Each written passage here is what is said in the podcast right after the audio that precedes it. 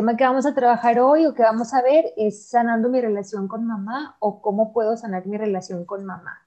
Y pues bueno, ya ayer la platiquita que, que tuvieron con los papás, este, pues igual, ¿verdad? Nos podemos dar cuenta del rol pues tan importante que representa la mamá y de pronto no alcanzamos a identificar que muchos de los conflictos que tenemos en relaciones personales sobre todo, pues va un poquito enfocado en eso, ¿verdad? En cómo estoy llevando mi relación con mi mamá, qué cosas estoy negando, qué cosas estoy aceptando o qué cosas estoy rechazando así a morir. Y ese rechazo, pues precisamente es el que también me genera más conflicto, ¿verdad? Que luego no sabemos, pero el rechazo es como que lo que más nos atrae. Entonces, bueno, pues primero platicar quién es mamá, quién es para ustedes, quién es para la sociedad, o sea, cuál es el significado o qué representa la mamá, quién es ella. A ver, ¿quién tiene algo por ahí? Bueno, Yo, e, es ese rol que juega una persona que no necesariamente tiene que ser mamá biológica, es decir, este, haber dado a luz a, un niño, pero es ese rol de, cuidador, de protector, de crianza, de seguridad, de acercamiento con, pues, con una persona que está en desarrollo, ¿no? Muy bien. ¿Alguien más? Fabi, Ceci. Yo pienso que este así, yo concuerdo con lo que dijo Betsa, es decir, la madre no tiene que ser precisamente quien me parió, sino como esta persona que, cumple este rol, a lo mejor también eh, que tiene que ver con la disciplina, con el afecto, con la guía y la enseñanza también. Así es, pues sí. Sí, va vas a decir algo? Ah, sí, que yo una vez escuché que el ser padre de familia, o sea, madre o padre, que es un, es un estado de que pues soy padre o madre biológico, pero que también era un verbo, entonces que es más la acción de no solamente ser un proveedor o ser alguien que biológicamente tuvo un hijo, sino que también es el hecho de criar. Bueno, esa es una frase que se me hizo bonita, de que ser madre también es un verbo más que eh, algo que se te da y ya. Así es. Sí, de hecho, y, o sea, la parte de maternar, ¿verdad? O sea, como decía Betsa y también Ceci, del afecto, de que esté ahí, que sea como tu soporte.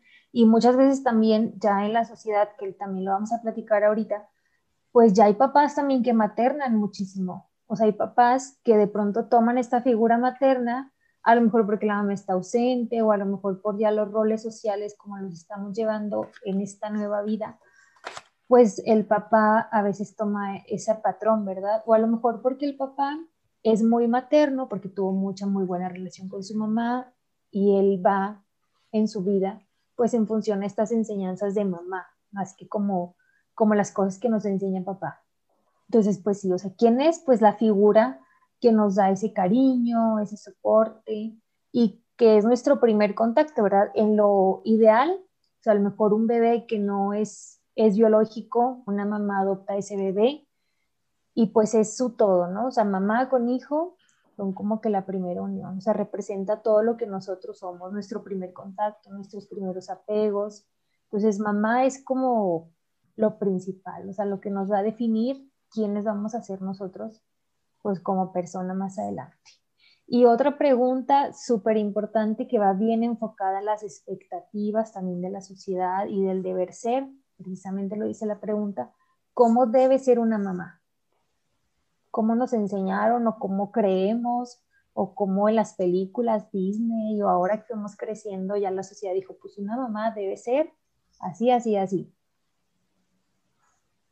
Ay, pues el, cómo debe ser la mamá va muy ah, de la mano con cómo debe de ser una mujer, ¿no? O sea, esta mujer, eh, la mujer abnegada, sumisa, que todo lo entrega, que incluso pues todas estas canciones dedicadas a las mamás son eso, ¿no? O sea, de a ti que entregas todo, este, que te desvelas, que, que sacrificas, que, que haces todo para que pues estas criaturas que están creciendo pues sean personas de bien. Entonces, y te digo, va muy relacionada como se supone tiene que ser una mujer, porque es como esta imagen inmaculada, este, virginal, eh, que no, que no este, debe de cometer errores,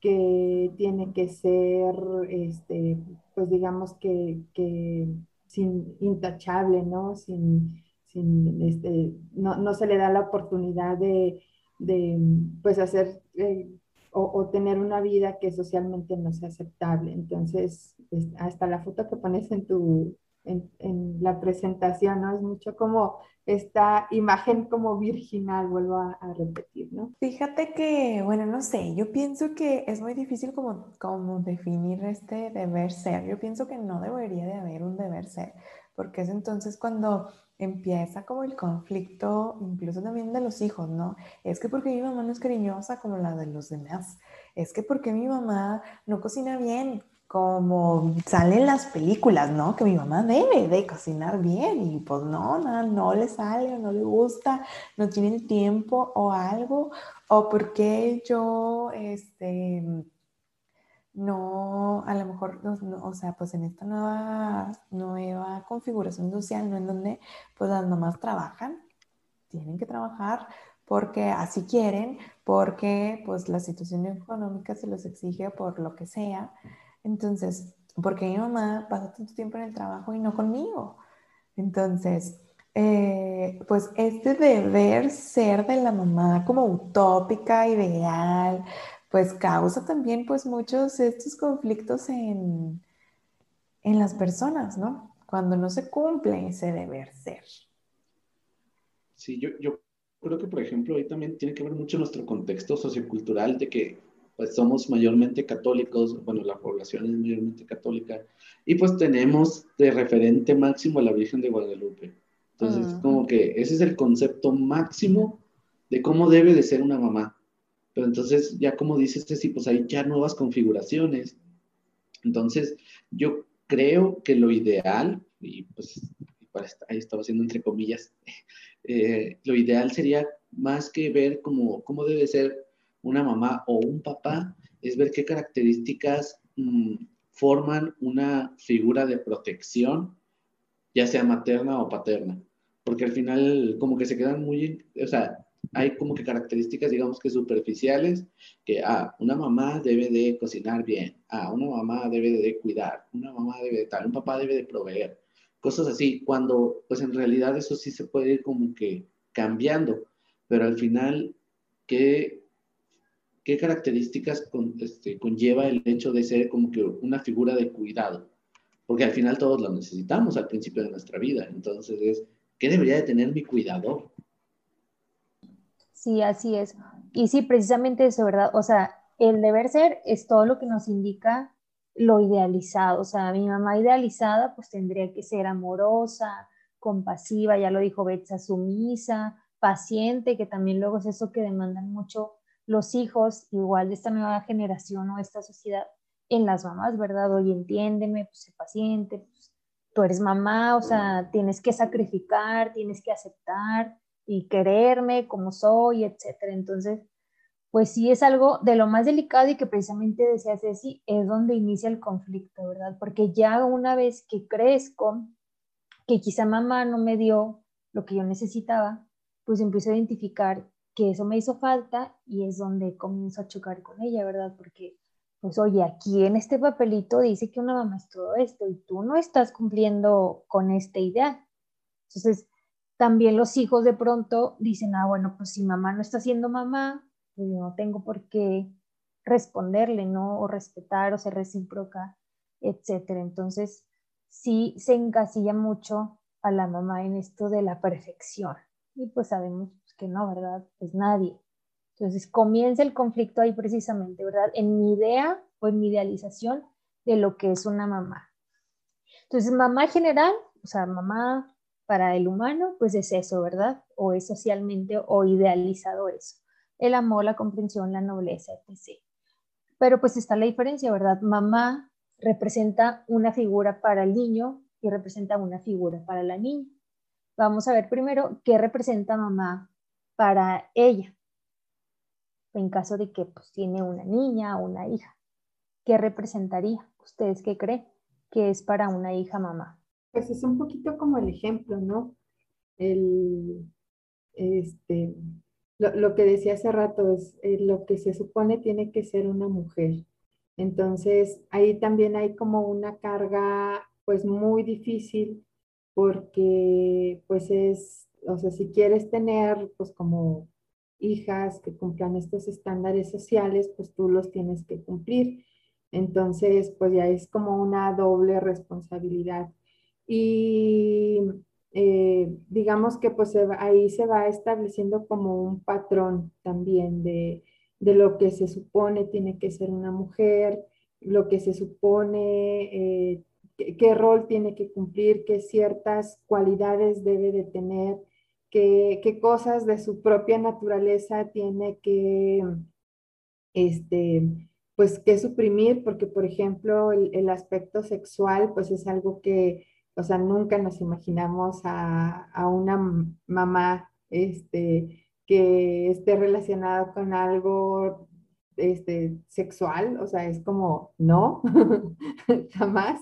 Este, incluso eso está como un shock para, para adolescentes o niños cuando este, piensan en que, ah, mi mamá tuvo relaciones sexuales y por eso me tuvo a mí. Entonces, este, y pues también es, se va, eh, digamos que pues este rol o, esta asexualidad de, de, la mujer, ¿no? De cómo, este, pues no, no está bien, no está bien visto, que, que pueda explorar, que pueda expresarse, que pueda hablar de algo que tenga que ver con, con la sexualidad, porque pues no es algo que se relacione con la mujer. Y pues con los hombres, pues sí. O sea, básicamente no es una persona. Pues no es una persona sexuada, digamos, es, un, es un rol asexuado. Sí, sí, o sea, está ahí toda la carga otra vez, ¿verdad? Y es eso, o sea, todo el patrón que a mí me dijeron como mamá que tenía que ser, que así lo aprendí o así me lo exigieron, pues yo voy a exigirlo. Y luego de pronto también están las mamás que tratan de decir, no, hombre, hijita, pues como tú quieras, lo que tú quieras. Pero cuando la mamá también reconoce que, híjole, estoy permitiendo demasiado, pues viene también el, no, no, no, es que no debe ser. Y otra vez volvemos, ¿verdad? O sea, no debe ser porque no es así, porque no es lo correcto. Y limitan al hijo o a la hija en este caso. Y viene más conflicto, ¿verdad? Porque pues si tú ya hiciste lo que tú querías, estás fungiendo tú como una mamá errónea porque no estás cumpliendo con esta idealización que ya teníamos en la mente. Entonces, choca la, la criatura también, la niña. Porque pues sí, es el modelo de la feminidad, ¿verdad? Ahí como está la imagen de linda, ponte bonita, regla, sé, sé cortés, sé prudente, no te sientes con las piernas abiertas, etcétera. Que por ejemplo es eso, ¿verdad? También, oye, no te puedes poner un vestido y sentarte así con libertad. No, no, siéntate bien y recatadita y cuando, cuando eres niña, o no sé si a ustedes pasó, pero yo la verdad es que era muy de que pues andar corriendo y arriba de los árboles. pues porque eres una niña. crees? Ajá, y con vestido no, como crees, bájate de ahí, no sé qué. O por ejemplo, este tema también de pues vamos al monte, vamos acá, ay no, pero no hay baño. O sea, ¿qué conflicto? Pues que no pasa nada no, no hay baño y pues, ¿cómo crees? Eres niña, etc. Y ya, o sea, bien o mal, mamá quizá nunca aprendió a tomar esa libertad y yo nunca la aprendí. Entonces dices, pues bueno, ya es una limitante que al día de hoy, pues yo no puedo ir a la sierra a acampar porque no sé qué hacer. Entonces, cosas tan sencillas que dices, bueno, o sea, es esa parte de la carga que ya se te quedó ahí y que para modificarlo, pues ahorita vamos a ver, ¿verdad? ¿Cómo sano esa parte que me limita o me limitó tanto a otras cosas que yo deseaba hacer, salirme de ese patrón sin sentirme culpable. De rechazarlo. Y de hecho también eh, personas que tienen roles de crianza, o sea, una maestra, además, una vez yo me lastimé jugando con un niño, tenía ocho, y mi maestra me dijo, es que tú no deberías estar jugando con los niños, las niñas no juegan con los niños y era de como que, pero a esa edad pues estás del mismo tamaño, tienes la misma fuerza, tienes... Y yo me echó la culpa de mi herida. Sí, como dices, pues eres niña, o sea, eres niño y de eso se trata, o sea, la niñez es precisamente eso, vívela, disfrútala, pero sí con esas limitantes que sobre todo mamá, pues en nuestros primeros años de vida es todo, ¿verdad? O sea, ella va a definir nuestra autonomía, nuestra posibilidad de ser, de no hacer, y si tenemos el permiso, ¿verdad? O sea, la sociedad no te lo permite, pues no te juntes tanto con los niños, porque te vas a hacer niño también, todo eso. Muy bien. Y luego vamos con el de él, ¿verdad? ¿Quién es mamá para él? ¿Quién es mamá para el niño, para el varón? ¿Qué representa para él? Mm, pues es un poquito también como, eh, como esta imagen de lo que se supone el niño tiene que buscar, ¿no? Este, mm. eh, de hecho, híjole, yo lo he escuchado no sé cuántas veces. Se parece a mi mamá, ok.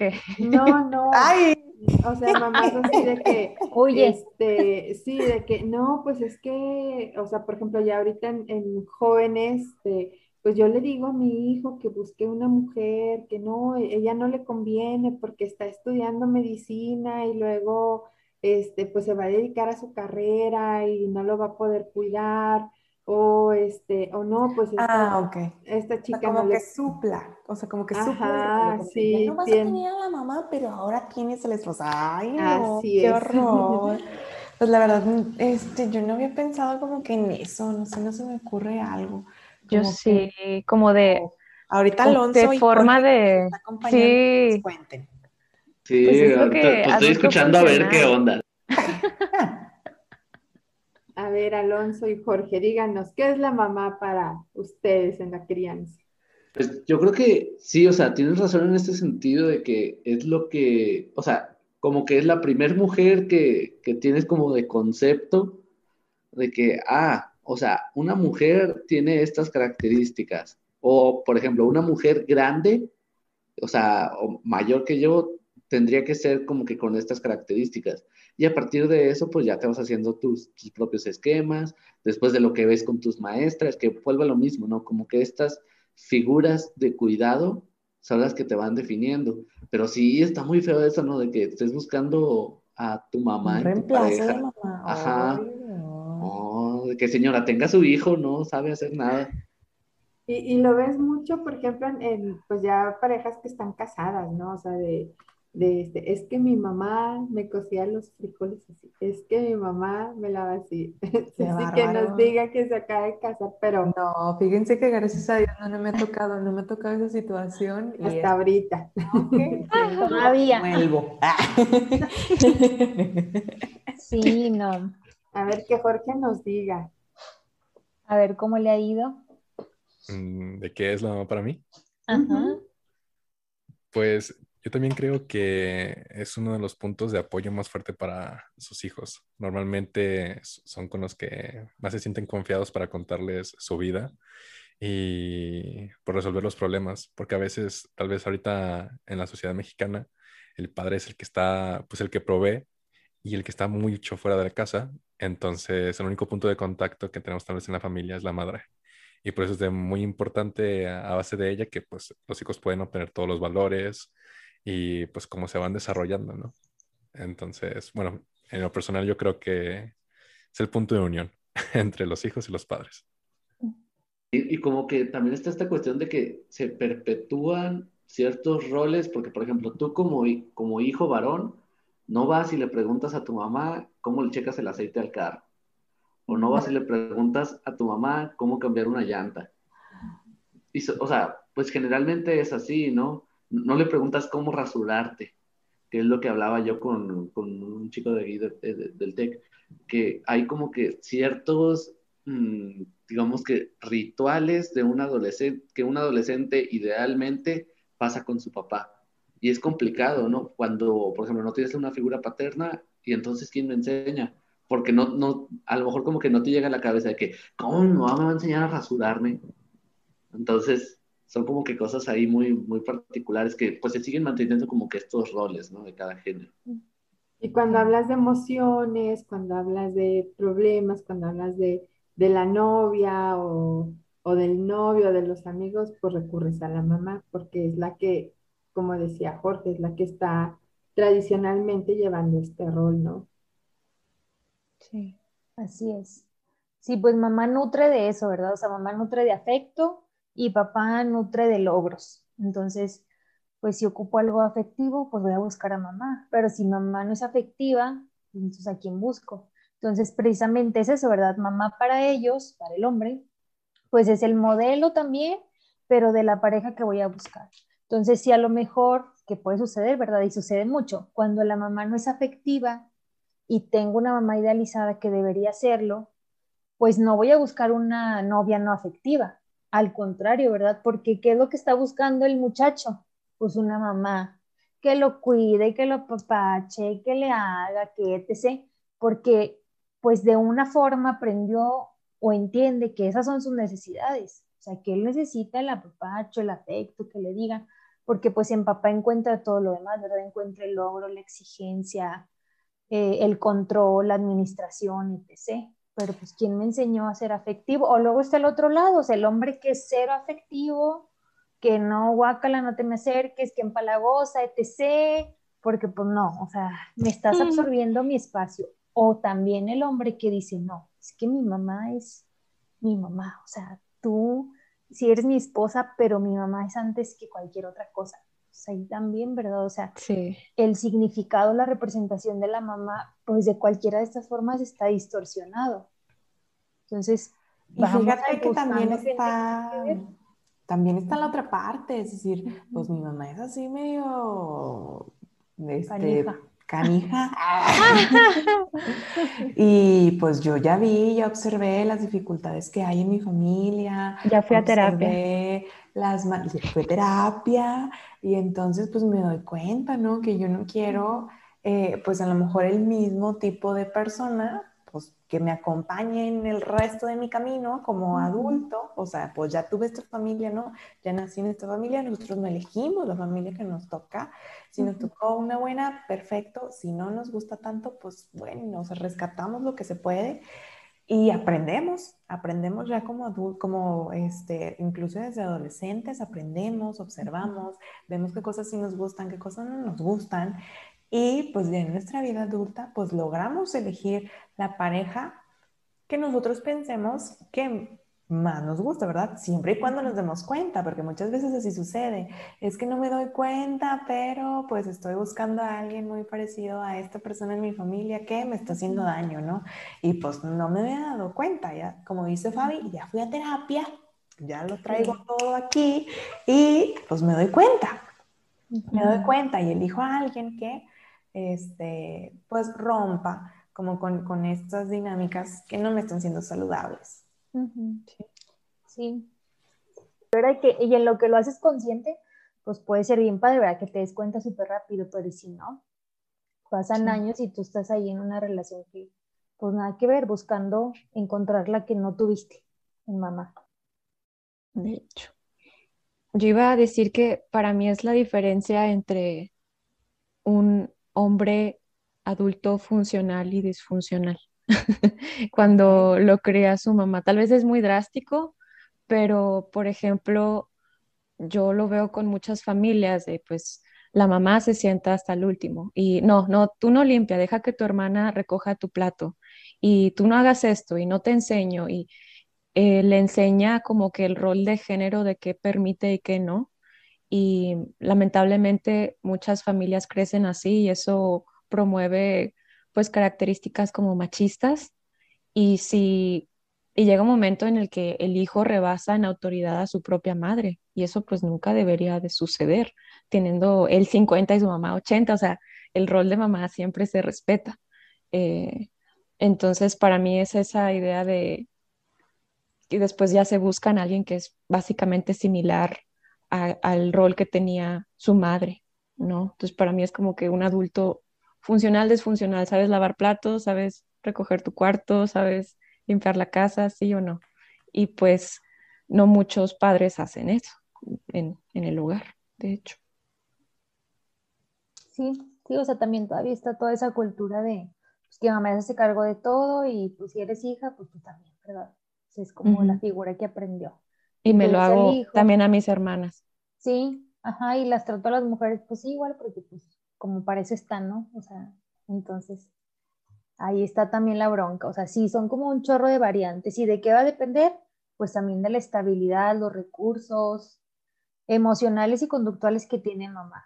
Entonces, muchas veces, pues no podemos tampoco jugar, es verdad, o nunca, o sea, no podemos juzgar la parte que a lo mejor mamá no me pudo dar, porque no es mi papel decir, ah, pues no me lo diste, entonces ya por eso este, eres la peor mamá del mundo y pues ya mejor, bye, te odio, adiós, corto relación. Pues no, porque a lo mejor ella no pudo cubrir con esas necesidades porque ella tampoco se las dieron. Entonces, ¿cómo puedo yo hacer para que las necesidades que yo conscientemente sé que me hacen falta, pues no las esté buscando en ti, mamá, ni esté buscando a la mamá que me las dé?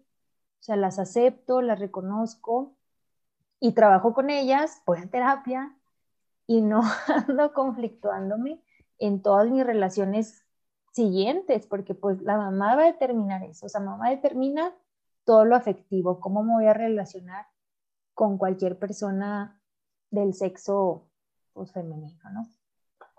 Muy bien. Ahí vamos de tiempo. Ok. Entonces, bueno, pues ya vimos la idealización de mamá, ¿verdad? O sea, ¿qué esperamos nosotros de mamá? ¿Qué espera un hijo de mamá? ¿Y qué es lo que mamá me puede proveer? Y pues también mamá va a esperar mucho de mí, ¿verdad? Como hijo, a lo mejor porque a ella le dijeron, pues un hijo tiene que ser así, o a lo mejor yo no pude ser una buena hija para mis papás, pero yo espero que mi hijo que viene, pues sea todo lo que yo no fui. Entonces, pues mamá también nos carga de ciertas expectativas e ilusiones. Y cuando no sucede como mamá lo espera, pues también, ¿verdad? Se le va sumando al conflicto. Entonces, mamá usualmente, ¿qué espera de sus hijos? ¿Qué espera de nosotros?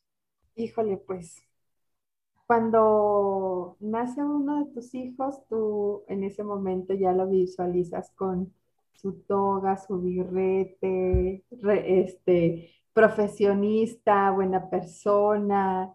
Eh, de alguna forma, creo que, ustedes me dirán si estoy en lo correcto o no, proyectamos como eso que queremos ser o eso que nos, nos hubiera gustado ser o nos hubiera gustado tener, ¿no?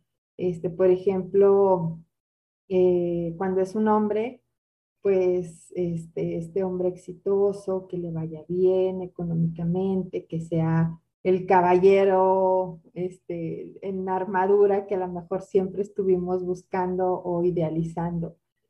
Y si es mujer, a lo mejor aquella que, pues cumpla todos esos, eh, esos puntos que a lo mejor yo siento que no he realizado en mi vida y que pues voy a estar empujando para que este, ya lo sea. Entonces, definitivamente desde que nacen ya les estamos ahí poniendo una carga bien pesada. ¿Qué opinan?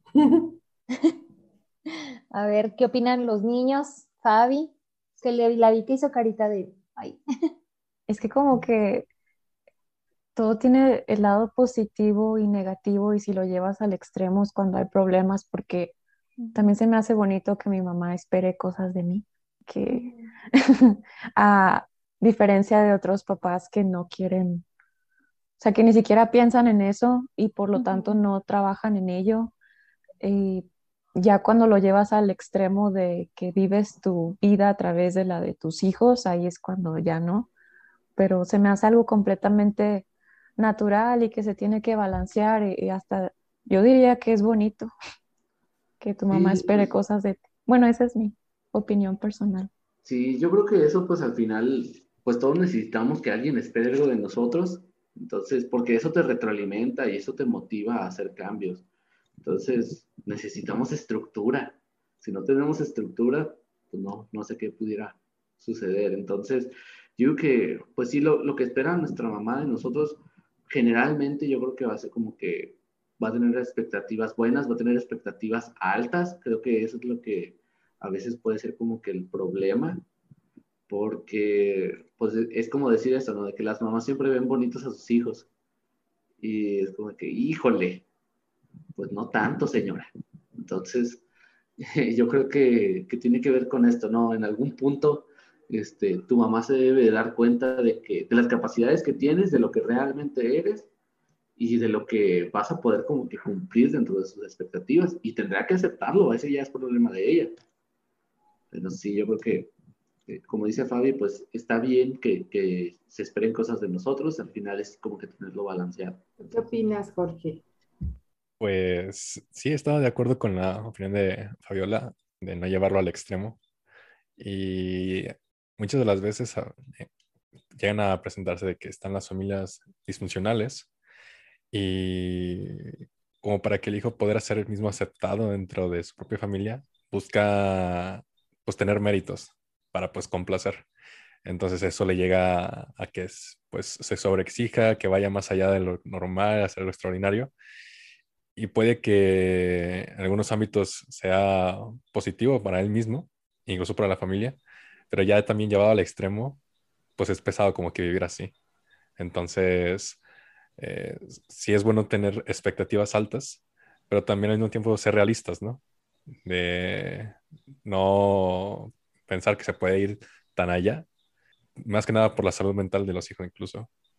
Sí, sí es cierto, porque a veces en este cumplir las expectativas de mamá, creo que este, pues los hijos pueden anular como su propia persona, ¿no? Sus sueños, este, pues eso que quieren hacer, incluso hasta sus emociones, porque pues es como, no, pues esto no se espera de mí, entonces, este, pues no importa lo que yo crea, lo que yo piense, lo importante es como cubrir esas expectativas y, pues no está tan padre.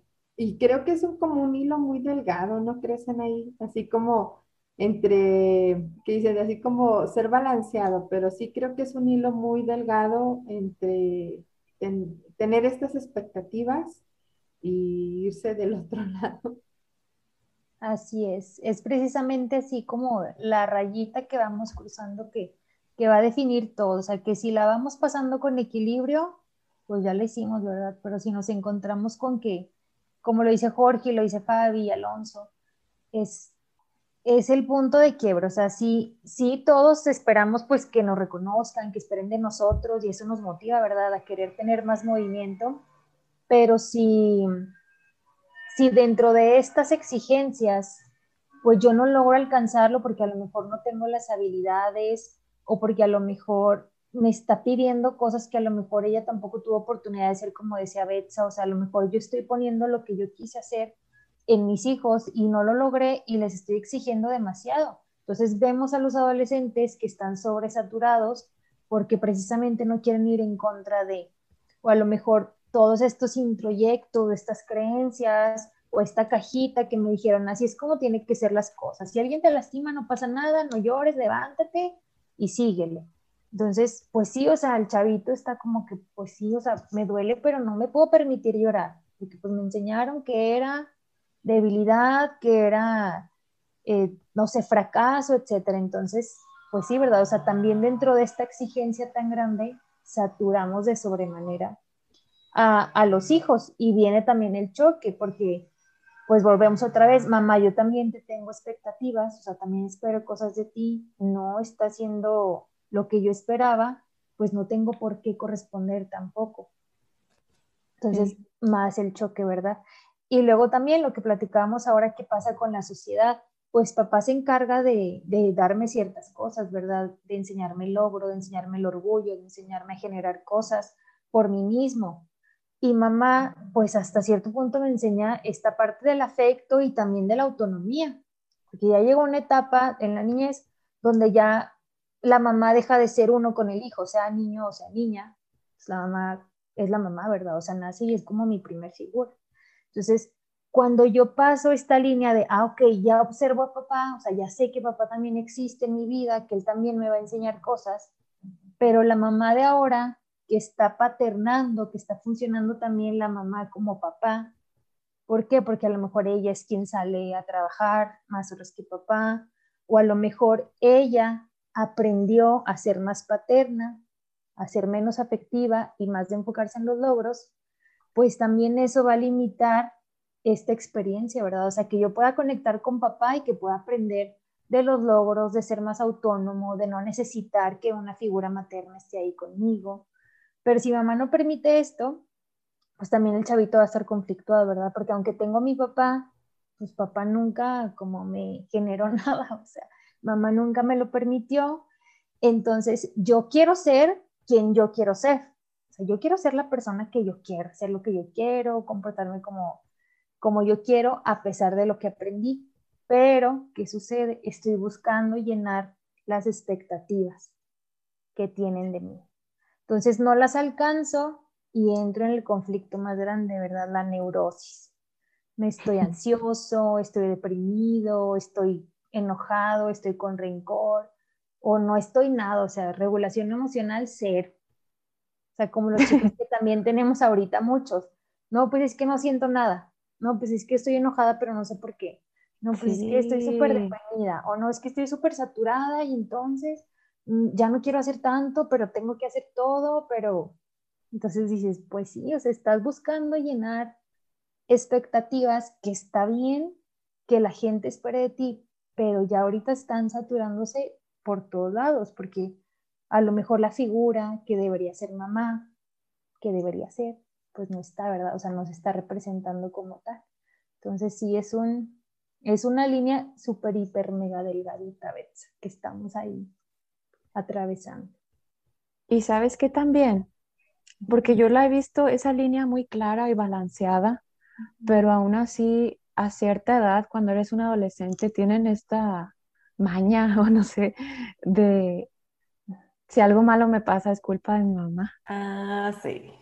Y es de que se van directo ahí y es de que, oye, porque he escuchado de alumnos que dicen, no, mi mamá me apoya y piensa que yo soy un chavo súper buena onda, que soy súper lindo, eh, siempre está ahí para mí. yo, ah, bueno, eso suena bien padre, pero es que no me puedo equivocar. Y yo, ¿qué? Entonces, ¿qué quieres? O sea, o es una cosa o la otra de que no me puedo equivocar. Y yo, claro que te puedes equivocar. No, es que se esperan muchas cosas buenas de mí. Y yo, ¿qué?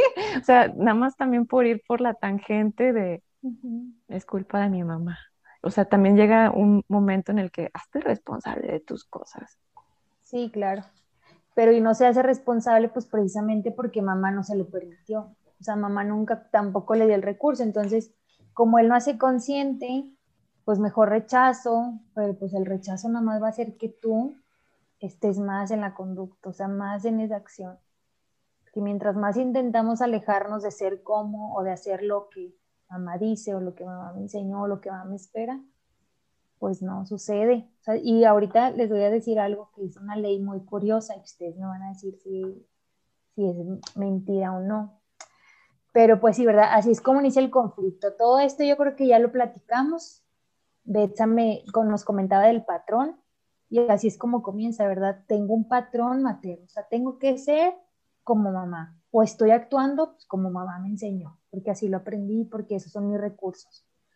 Entonces llega el patrón y ¿qué es lo que sucede? Cuando yo ya tengo conciencia y me doy cuenta que pues esa no es la mamá ideal, no es la que yo quería, no es la que yo necesité, entonces viene la negación, no tengo por qué hacer lo que dice mamá. Si mamá dice, no llegues tarde, pues voy a llegar tarde. No hagas esto, pues voy a hacer esto. Entonces, cuando mamá nos dice, o, ustedes díganme cómo sucede, si mamá dice, no te subas ahí porque te vas a caer, ¿qué es lo que pasa usualmente? Pues te subes y te caes. Te subes y te caes, o sea, es un hecho, ¿verdad? Que va a suceder. Entonces, me dijo que no, pero lo hice. ¿Y qué hace el niño después que se cae? Pues regresa con mamá. Es como la primera, ¿verdad?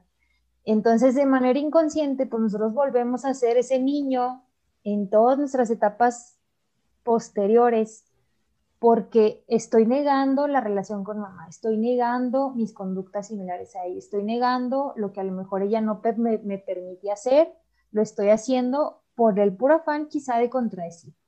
Entonces colisiono porque entro en el conflicto y digo, no, sí, ya me di cuenta, me la bañé, mamá me dijo que no. Y por más rechazo que tenga, voy a regresar con mamá. Y mamá inconscientemente pues también lo busca, porque no hay cosa peor que pueda pasarle a una mamá, pues vamos a decir, no equilibrada, más que sus hijos ya no la necesiten. O a lo mejor una mamá sana, o sea, también, qué conflicto que mis hijos ya no ocupen de mí, o sea, ya no me necesitan para nada. O sea, ya fue su mamá, su figura y luego ya desaparecí de su vida. Entonces, mamá también de pronto pues genera esto de manera inconsciente, ¿verdad? Te digo que no y si lo haces, yo sé que tú vas a necesitar, o sea, en algún momento vas a volver. Entonces eso reafirma este patrón que ya aprendimos. Ya ves, pues yo ya lo había aprendido y te lo dije y, pues, y vuelves. Y, es parte como de, esta cultura norte que acaba de pasar el Día de las Madres, este, que ves 20 mil memes con todas estas frases de, de, las mamás de, te dije que no lo hicieras, o este, no sé, o sea, todas estas frases como que perpetúan este patrón. Ajá. O lo tan sencillo como, no lo encuentro, voy a subir, yo lo voy a encontrar y lo encuentro. Y tú, ¿qué? ¿Qué clase de magia es esto? ¿Qué brujería?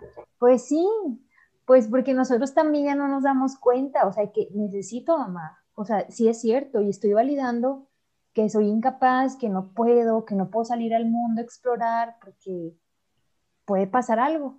Entonces es también lo que dice Fabi, pues ya es también mi lugar seguro, o sea, quiero hacerlo, pero si lo hago, muy seguramente voy a fracasar, pues mejor no lo hago, aunque yo quiera, aunque tenga las ganas, aunque tenga el deseo, porque así lo aprendí, o sea, este patroncito me dijo, no, no, no, lo intentas, no te sale y regresas, afirmando, dice, es cierto, no, no puedo. Y odias a mamá en una etapa y le tienes rencor y le tienes coraje, porque por tu culpa no puedo ser la persona que quiero. Pues sí, pero porque no has hecho consciente las cosas que si eres como mamá y no pasa nada, en lugar de que la rechaces, y suceda todo esto, ¿verdad? O sea, el conflicto a su máximo esplendor. Entonces ya casi se nos acaba el tiempo, y ya casi vamos a acabar. Entonces, ¿cómo puedo sanar esta parte? O sea, ¿cómo puedo sanar ese conflicto que me generó el no querer ser como mamá, aunque sí soy? Porque es el conflicto más grande. Es que no quiero ser como tú eres, o sea, no quiero tener que hacer las cosas como tú dices, pero las estoy haciendo y eso me está generando muchos problemas. ¿Cómo podemos sanar esa parte? ¿Ustedes cómo creen? Pues primero yo pienso que es importante como que las personas se responsabilicen también de lo que me toca. Es decir, es imposible echarle la culpa a todo solamente una persona. Si esta persona me creó, si esta persona estuvo muy cerca de mí en mi infancia, sí, pero yo como persona soy independiente, soy aparte y yo elijo cómo actuar cómo sentirme y cómo ir interpretando las cosas, cómo ir avanzando o no, o estancarme. Entonces, eh, yo pienso que es muy importante primero eso, o sea, responsabilizarme realmente de lo que me toca, como dijo también Fabi hace, hace un ratito. Y pues bueno, hace rato hablabas, yo creo que algo muy importante, ¿no? Como reconocer, este, aprender a, a observar y yo me he dado cuenta en trabajo con, conmigo misma, lo digo por experiencia, como aceptar esta parte de no tener a, la mamá perfecta y no tener al papá perfecto. Fue, fue un proceso que en mí duró muchos años, o sea, este, te puedo decir, más de 10 años, eh, que me sacó muchas lágrimas, que que tuve que hacer un proceso terapéutico muy largo, muy profundo, pero pues la, verdad es que fue liberador. Entonces, este, sí es muy difícil, muy difícil aceptar esta, esta parte de no tener a la mamá perfecta y no tener al papá perfecto y también reconocer estas carencias contigo y reconocer por qué buscas ciertas cosas. Entonces, este, pues el primer paso pues sería como atreverte a ser consciente, que también eso este, no es tan fácil, pero si en este momento en tu vida pues algo está pasando, que por ejemplo pues te sientes ansioso o, este, o, ves que tus relaciones amorosas pues no están, este, que no llegan a ningún lado, o tienes problemas con tus amigos, entonces pues valdría la pena como cuestionarte y a lo mejor atreverte a iniciar un proceso de este tipo. Sí, es precisamente todo eso que genera, o sea, el dolor, ¿verdad? O sea, el aceptar pues que no está, o sea, y que no está y no la voy a encontrar. O sea, lo que mamá a lo mejor no pudo darme, no tengo por qué estarlo buscando en otro lugar, pero sí aceptar es doloroso y también dejar de ser como mamá de pronto me enseñó, me dijo que debe hacer, pues también nos genera chorro de conflicto porque también viene la culpa de decir, híjole, es que estoy yendo en contra de lo que mi mamá me enseñó. Mi mamá que todo me ha dado, que todo ha sacrificado, que ha estado siempre para mí. Pues, ¿Cómo crees que yo voy a actuar en contra de, de los principios de la familia, ¿no? Que ya me fueron ahí marcados. Entonces, pues también la culpa pues, no nos deja seguir, no nos deja sentir, no nos deja vivirlo. Pero pues sí, Betsa, lo que dices es súper importante, pues el dolor, ¿no? O sea, el tener que aceptar primero y pues sí, es lo inicial, ¿verdad? Hacer conciencia. Tengo que hacer conciencia en dónde no cubrieron mi necesidad, o sea, dónde fue que fui herida, que fui lastimada, que fui a lo mejor abandonada, o sea, en este sentido de todo lo que yo esperaba de mamá. Primero, ¿verdad? Hacerlo consciente con todo el dolor. Y luego, pues aceptar. O sea, ya sé que esto pasó y acepto que sí soy como mi mamá, que a veces no me gusta ser así, pero no es algo que pueda modificar. O sea, acepto la conducta, sé en qué momento soy así, cómo soy así y qué hago cuando soy como mamá. Si no me gusta y luego consciente y lo acepto, pues muy seguramente se va a equilibrar, ¿verdad? O sea, pero si lo rechazo y digo, no, es que estoy actuando como mi mamá, y luego, luego tratas de rechazar la emoción o tratas de rechazar la conducta, pues más conflictuado, ¿verdad? Más ansiedad, más enojo, más tristeza, etcétera, es lo que va a provocar. Y pues esta diferenciación, ¿verdad? También bien importante, o sea, saber que sí somos parte una de la otra, o sea, ella me, me trajo al mundo, me enseñó, me crió, sacrificó, pero luego también esa palabra es bien fuerte, es una carga muy pesada, de pronto siento yo para los hijos decir, pues sacrifiqué todo por ti, pues sí, pero pues yo no te lo pedí, o sea, pues también o sea, culpar de pronto al hijo de todo lo que yo dejé de hacer para que tú pudieras estar bien en el mundo, pues esa responsabilidad es la que luego no nos permite pues hacer algo diferente, ¿verdad? O sea, hacer las cosas que sí queremos o actuar de la manera que sí nos gustaría. Entonces, sí es un tema bien complicado, sí es como dice Betsa, un proceso, o sea, para sanar tu relación con una figura que tú, que tú esperabas o que tú todavía estás buscando, pues sí es algo muy complicado y es doloroso, pero sí, pues vale la pena, porque te das cuenta una vez que lo aceptas y que lo trabajas y que lo reconoces, que estar luchando contra eso, pues es peor, ¿verdad? O sea, es lo que nos genera más conflicto y no nos deja ni tener buenas relaciones con los demás ni con nosotros mismos. Entonces, siempre estamos buscando también esa aprobación, a lo mejor pues que no va a llegar nunca. O sea, mamá nunca va a decir, ay, no, hijita, súper bien, o ay, hijita, no, este, qué bonita te ves hoy. Pues no, ¿verdad? A lo mejor mamá siempre va a tener algo, ay, no te peinaste bonito, ay, ese vestido, qué cosa, o no sé, siempre. Entonces, pues si esté nosotros buscar esa parte, ¿no? Ya no podemos, pues, modificar lo que es esta figura, pues ya sino aceptar lo que esta figura represente en nosotros para poder ahora sí pues avanzar, ¿no? De una manera más sana con lo que tenemos. Y así es. Si no nos quedamos ahí estancados, yo, por ejemplo, les quiero, se me vino a la mente ahorita eh, una persona que ya tiene más de 60 años y, en una conversación casual con ella me decía, por ejemplo, que pues ella está gordita y que toda su vida había tenido problemas de sobrepeso porque su mamá le daba vitaminas y pues que ella tenía conflictos con sus hijos porque pues su mamá no le enseñó a ser amorosa. O sea, en una conversación de una hora le echó como seis culpas a la mamá. Y yo me quedé pensando así como, tiene 60 años, no sé cuántos años tenía la mamá, pero me quedé pensando de que, ¿qué hubiera pasado si esta persona hubiera solucionado todos sus problemas con su mamá desde hace 20 o 30 años? su vida sería diferente. Entonces, 60 años y seguir cargando pues todo eso, que no nos pase. Sí. Ay, sí, es un tema que sí hay que trabajar bastante. Y pues quitarnos la culpa, porque sí es muy difícil decir, mamá, no eres esto, no fuiste esto, me faltó que hicieras esto. Y pues sí, quizá no se lo vas a decir así frente de que mamá, fuiste la peor, o sea, nunca me amaste, no me enseñaste. Pues no, ya tú solita, ¿verdad? Lo trabajas y a ella la aceptas como es, o sea, la figura que es mamá. Y, y de automático, o sea, sí me he dado cuenta mucho también en los procesos, incluso en los que yo también trabajé, que en, de manera automática, o sea, mamá también se cambia el chip, porque pues también ya no existe esa confrontación, o sea, ya también ella como que no le ve sentido y dice, ah, todo está en calma, o sea, como... Entonces, pues, pues este es el tema, espero que pues nos demos la oportunidad todos, ¿verdad? Todos tenemos por ahí algunos temas paternos de trabajarlo y pues de vivir lo mejor que podamos, para que ya si tenemos hijos o los que ya tienen o los que vengan, pues no les mandemos ahí toda la carga que, que nos costó, como la señora de esas pobres criaturas. Sí. Bueno, pues muchas Bueno. gracias. Nos Gracias a ustedes, Gracias, Anaí. a ustedes, cuídense mucho, nos vemos en el próximo café. Bye. Nos vemos el próximo Gracias. martes. Bye.